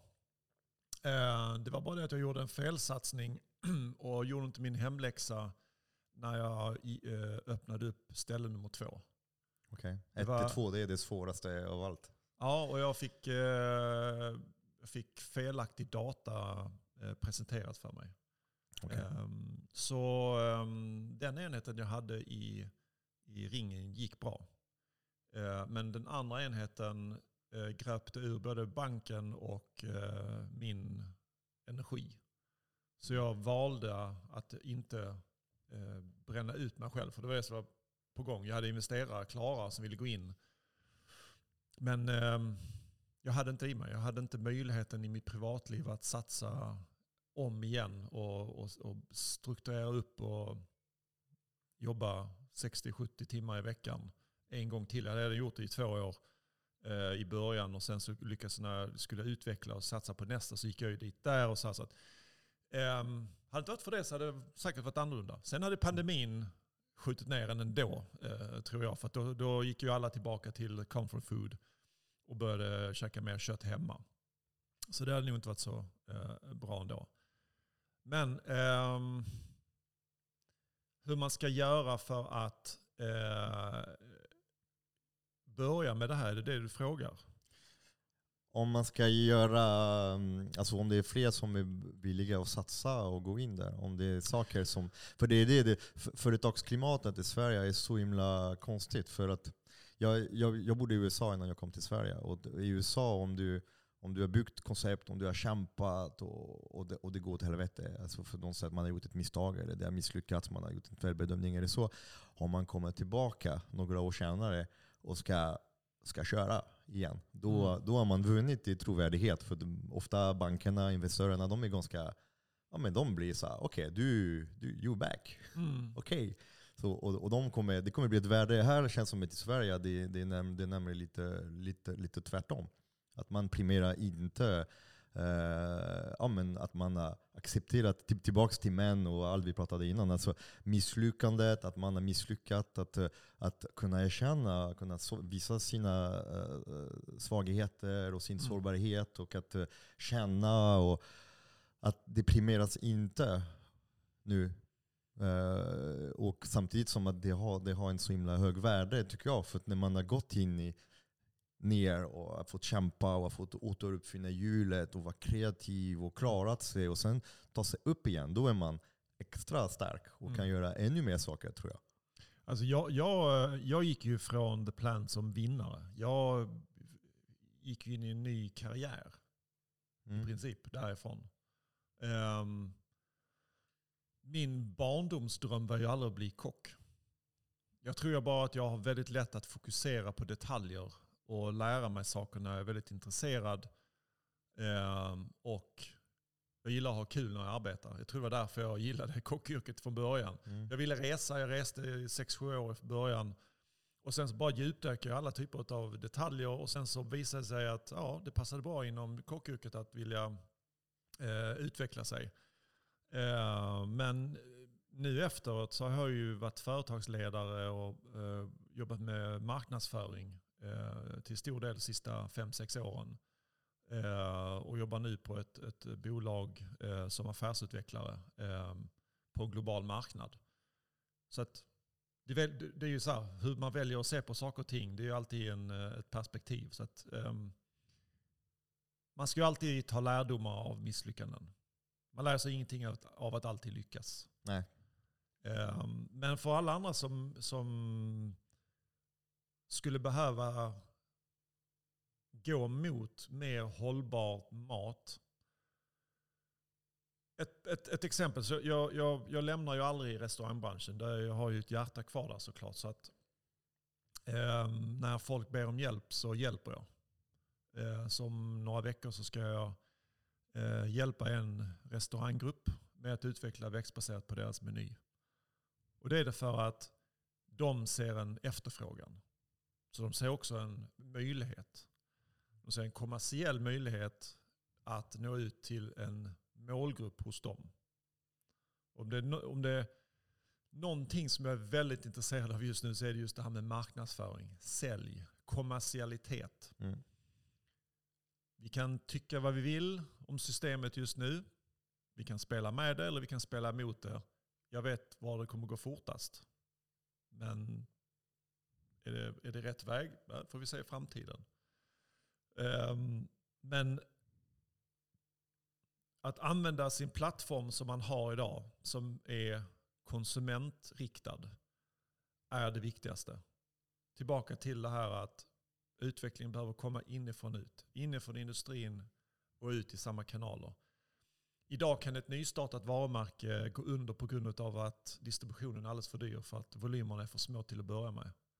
Men om du har samma volym på redan fulla pallar så är helt plötsligt distributionen ingenting. Säljkårerna får bara en produkt till på sin lista de ska sälja in. Istället för att ha ett nytt avtal med en ny säljkår med en ny process som kostar mycket pengar. Och de som startar de här varumärkena idag har jag också sett en märklig trend i att det är folk som är nyrika. Det är, de säljer sina bolag, oftast inom tech, och sen ska de då lösa alla världens problem för att de har käkat någon burgare någonstans eller så har de precis fått barn och de ska rädda, de ska rädda någon eller rädda sig själva eller rädda planeten eller någonting. De har bara väldigt mycket pengar. Det, Och- det är bra ju va? Det är jättebra. Alltså Det, filantroper, fler filantroper som Ja. faktiskt kan, ja, vad kan man göra? Man kan inte äta pengarna. nej. Vad ska man göra med så mycket? Men, eh, eh, gör, grundarbetet måste bli bättre. Mm. Men sen vi behöver inte, det, det är också en, eh, man behöver inte alla jobba i samma positionerna. Kanske behövs sådana som du som kan ja, men jobba i, i, i, i större strukturer och hjälpa Mm. stora att växla, att bli bättre för att kunna påverka mer. För det, det, det blir ju volymer. Men det Mm. behövs också ett, ett småskalighet och det behövs också, alltså jag, jag känner mig inte igen den. Alltså jag skulle inte ta samarbete med stora, stora företag. För jag vet att när de, de drivs av vinsten, de drivs av att det är ekonomiskt, då är det inte riktigt helhjärtat. Jag jobbar äldre med företag som har byggt sina värderingar rätt från början. Alltså företag som, eh, som Salt och Kvarn, alltså som vi är ekologiska, vi, vi producerar och sen vi ser till så att produkterna hamnar rätt. Och, och det går också att lyckas, även om det, det är svårt. måste, alltså, de, här två man kan bli olika, stor de, här två olika, de här två olika områdena måste koexistera. Mm. Det måste finnas en, en, eh, en struktur som visar på autenticitet. och på hantverk. Mm. Och sen behöver det finnas en struktur som levererar det folk behöver för att överleva. För vi är ändå 10 miljo- miljarder på, på planeten. Vi kan inte överleva på maten som kommer från småskaligt hantverk. Det behöver komma ett skifte. Mm. Alltså, man, är, man kan, sen det är en fråga om... Inte just- eh, inte nu. Vi alltså, behöver- vi det, behöver gå det, dit. Det behövs en övergång, absolut. Ja, Men, och den eh, övergången behöver göras i samarbete med Mm. befintliga leveransrutter, beställningssystem. Mm. Hela backend Ja, måste man tänka Alltså på. Sverige skulle kunna, man skulle kunna stänga de tre stora industribaggerierna och starta tusentals små bagerier där råvarorna finns, där spannmål odlas, där det skulle skapa lokal sysselsättning. Det skulle bli väldigt, väldigt bra. Jag tror mycket på småskalighet, att allt behöver inte vara storskaligt. Och just med AI, med logistik som blir enklare och enklare, där man bygger system som, det kommer ju bli vind under vingarna för det småskaliga. För man måste också hitta ett syfte för människor. Alltså, eh, vad ska alla göra? Man måste också, eh, ska alla bo i en stan och jobba hemifrån med en, en dator? Och, och, eh, eller ska man, alltså det är många som vill också bo i landsbygden, vara närmare naturen, jobba med kretsloppsbaserade system och kan försörja sig och, och, och leverera livsmedel till fler. Så jag tror att eh, det, det, behövs, det behövs båda och, men mm bara för att vi har inget val. För vi kan inte bygga en småskaligt, eh, storskaligt, småskaligt, alltså många, många små på, på, på väldigt kort tid. Men det är också för att den småskaligheten är motarbetad kontinuerligt. Man motarbetar kontinuerligt det småskaliga som är rätt.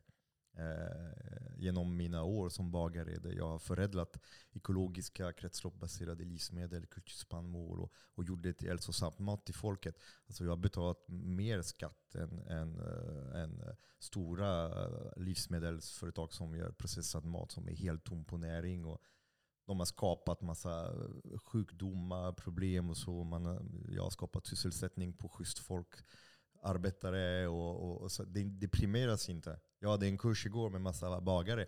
Eh, de jobbar med kulturspannmål, de köper lokala råvaror, de är super, de måste tränga sig och de kämpar in i helvete. Just för att det, det, man primerar inte deras arbete. Alltså deras bröd betraktas som bröd, som en annans bröd. Mm. Vilket du vet ju är stor skillnad om man tar en papp, alltså plastpåse bröd från, eh, från affären och man tar ett, som det här brödet som vi har på bordet, på, på svedjeråg som är en tvåårig gröda Mm. som binder kor under marken, gynnar ju mångfald på platsen och eh, som ger mycket alm och som binder, alltså som, det, eh, och som till slutändan blir väldigt näringsrikt och nyttigt laddat med fiber. Mm.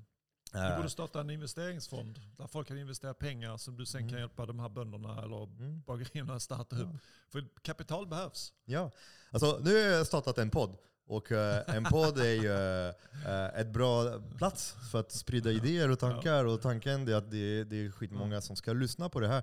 Så att eh, ni vet hur det funkar med, med poddar och YouTube. Så det Mm. är eh, algoritmer som jobbar. Så att eh, Ja. sätt en tummen upp, skriv en kommentar. Det är mycket som har sagts nu om, Mm. om eh, växtbaserat, om eh, kapital, om Elsa och det finns så mycket mer vi skulle kunna prata om. Det, det är väldigt viktigt att, att det sprids för vi behöver en plats som den. Mm. Nära en, en stenugn där, man kan, där ordet är fritt och man kan prata om, Mhm. om saker, lyfta upp problem, komma med några lösningar. Jag, jag har inte alla färdiga lösningar. Eh, en bra eh, sak som hjälper, som jag har märkt, eh, det är uh, engagera sig i olika organisationer. Mhm. Vet du, är, du, är du medlem i Naturskyddsföreningen? Eh, mm, nej, men jag är medlem i Greenpeace tror jag. Eh, kanske Naturskyddsföreningen. Jag, jag har Mm. mm. autir som dras varje månad. Jag har Mhm. inte koll. Nej, okej. Det är, eh, för det är någon, någonting som Mm. är ganska lätt att göra. Alltså, jag tror att eh, det är inte så mycket... eh, Jag, jag har börjat samarbeta lite mer med dem nu senaste tiderna för att jag insåg... Jag visste inte att det var, att det var medlemsstyrt. Alltså det är folk eh, med sina medlemskap som finansierar Naturskyddsföreningen. Så det är inte någon pengar som kommer från utanför. För det är väldigt sällan man kan göra bra saker med bra pengar. Det är väldigt många stora bolag som lägger lite jordnötter här på sidan för att Mm. göra bra saker och göra en liten, köpa en liten kretsloppsgård här, eller investera i ett restaurangkedja hit. Och Mm. Att man gör väldigt lite medan Naturförening, deras essensen, det är ju att, att faktiskt vara ett röst för folket. Så att om man känner att man saknar en röst, det är ett väldigt bra plats att vara och vara medlem. Och eh, det jag inte visste heller, det är att de har experter inom, inom i, alltså i huset som Mhm. gör rapporter och som påverkar politiskt. Eh, och det är viktigt, så då kan man få också ett regelverk som är lite mer eh, anpassat efter vad vi Mm. behöver göra. Ja, de gör ett fantastiskt arbete. Jag har haft mycket kontakt med dem genom åren. Ja, vad bra. Eh, gud vad tiden går fort. Ja, Är det någonting som, eh, en fråga jag har missat fråga? Eh, är det, ja, det är någonting som jag tänkte jag ska börja med, för jag tycker det är jätteroligt. Eh, jag har lärt mig väldigt, väldigt mycket genom att, att läsa. Eh, Mhm. man, Mm. man, man googlar mycket, man går mycket i Mm. ChatGPT nu för tiden, men eh, alltså att sätta sig i en bok tycker jag är ändå någonting som är lite unikt. Det är annorlunda. Orden kommer inte på samma sätt in. Ehm, det är också en tid när man måste stanna och, och läsa och det är ingenting komprimerat. Mm. Och eh, jag tänkte jag ska fråga, eh, fråga dig om, eh, jag frågade dig innan du kom, det är därför Ja. du har, om det fanns en bok som har faktiskt betytt väldigt mycket för dig i ditt Mm. liv. Och eh, om du kunde visa den bara så att, Ja. så att vi ser den. Gissa vad den handlar om. Ja, kan det handla om, eh, om tarmbakterier? The Good Gut. The good gut, Ja. okej. Och det är um, en, eh, vad ska man säga, det är en stor studie gjord av Justin och Erica Sonnenberg. När, när köpte du den? När läste du den? Första gången? Ja, tre år sedan tror jag. Ehm, ja, tre år sedan. Ehm, och ehm, den, den gav mig det enda bestämda rådet jag oftast ger när jag gör föreläsningar eller workshops så här rakt av. Och det är ät mer fiber. Mhm. Bara äter vi mer fiber så är det väldigt mycket saker som kommer att lösa sig. För vi är så fruktansvärt beroende av att vi har bred, diversifierad, eh, välmående mikrobiota. Bra. Och, och jag sa att jag skulle komma tillbaka till en bra inkörs. Du Mhm, sa det att man ska mhm. inte börja med vegan. Ta fyra veckor. Varje måltid, en matsked syrad kål, surkål. Här rekommenderar jag starkt Tistelvind. De har kämpat i många år ute på Östgötaslätten. De har riktigt bra surkål. Så en matsked till varje måltid första veckan. Mhm. Två matskedar nästa vecka. Tre tredje veckan. Fjärde, fyra. Och sen kan du upprätthålla det med kanske en till två varje måltid. Syrade produkter, levande, det måste vara levande, innehåller probiotika. Det är levande bakterier som kommer in och hjälper till att diversifiera allting.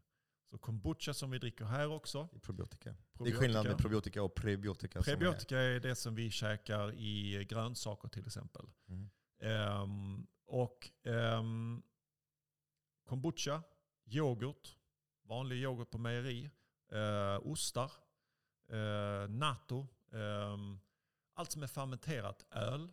Mhm. Det är saker som är bra för mage. Så eh, The Good Gut, en bra bok att lära sig om, om hela systemet. Och sen äta surkål stegrande under en period så att kroppen lär sig att bryta ner alla de här probiotiska fibrerna som kommer ner. Måste, måste det vara kål eller kan det vara rödbetor Allt som är och morötter? Någon, någon av de här Någon fermenterad grönsak?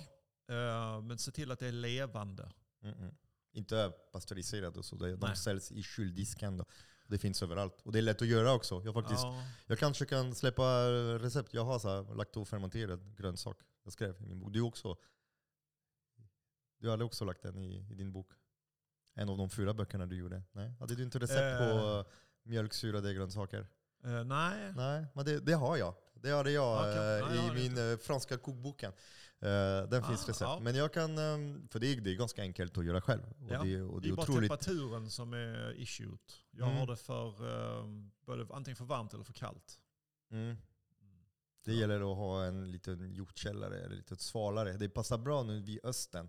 För Mm. att då har man kanske en sån där gammal skafferi i skåpet som är det. så här 14-15 grader. Mhm.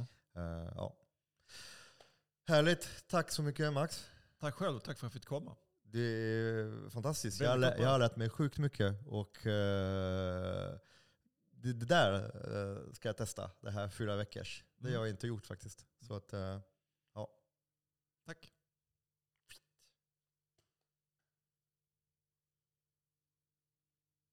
Grymt. Fan vad bra. Vilken, är, det någon, är någon som är sugen på hummus och, och vippas? Alltså det är så jävla gott. Den är, alltså det var en bra textur, för den var så långsam. Eh, det blev ändå fin. Man får det här lilla Nutella, Nutella